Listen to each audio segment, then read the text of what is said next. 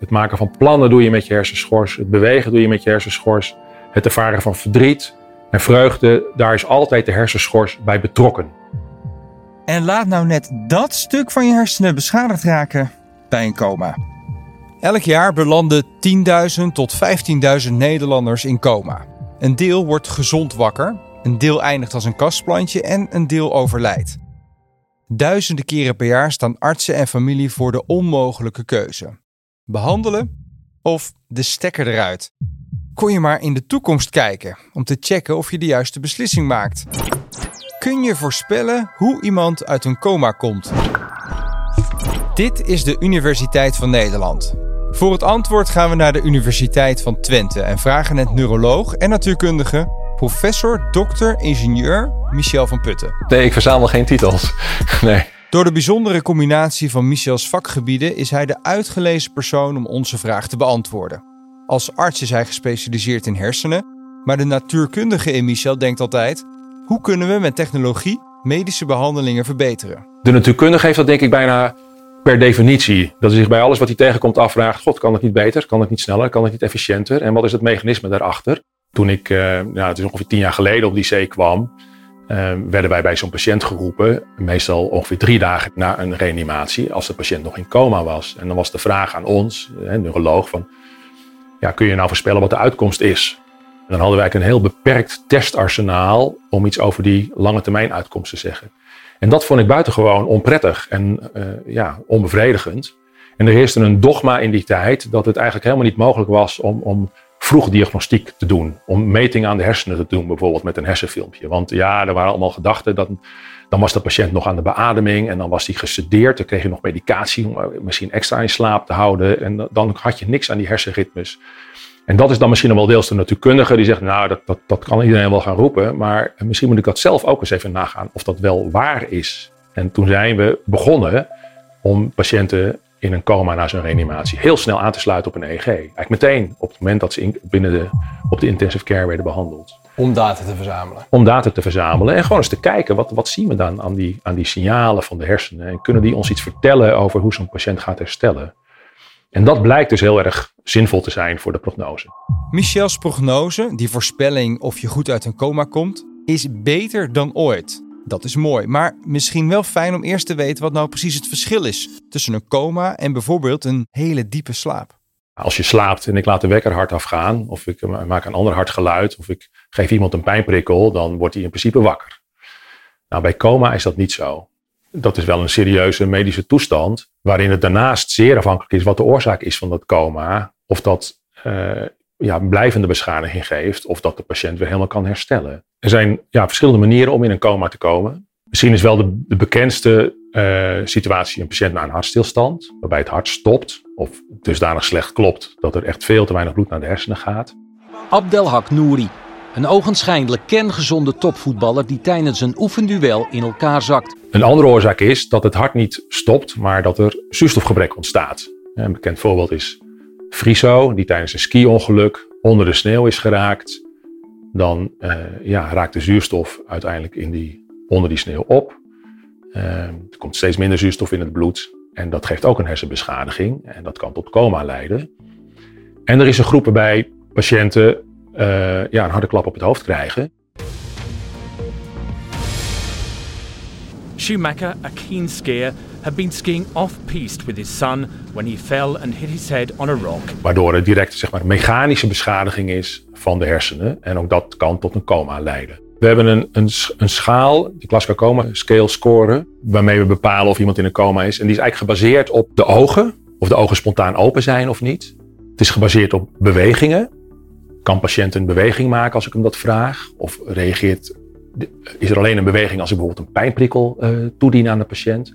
En klassiek is dat we met een, een, uh, ja, een stomp voorwerp op het nagelbed duwen. En uh, dat is een, echt een pijnlijke prikkel. En dan kijken we naar de reactie van de patiënt op die pijnprikkel. En de derde pijler is het geluid dat iemand maakt. Kan een patiënt een woord maken of gromt hij alleen of kan hij een halve zin uitspreken? Nou, dat scoren wij. En als die score 7 of lager is, per, per, per onderdeel krijg je een aantal punten, dan spreken we van een coma. Voor elk coma geldt, de ogen van de patiënt zijn altijd dicht. Het reactievermogen vermindert omdat de hersenen te weinig zuurstof krijgen, te weinig energie.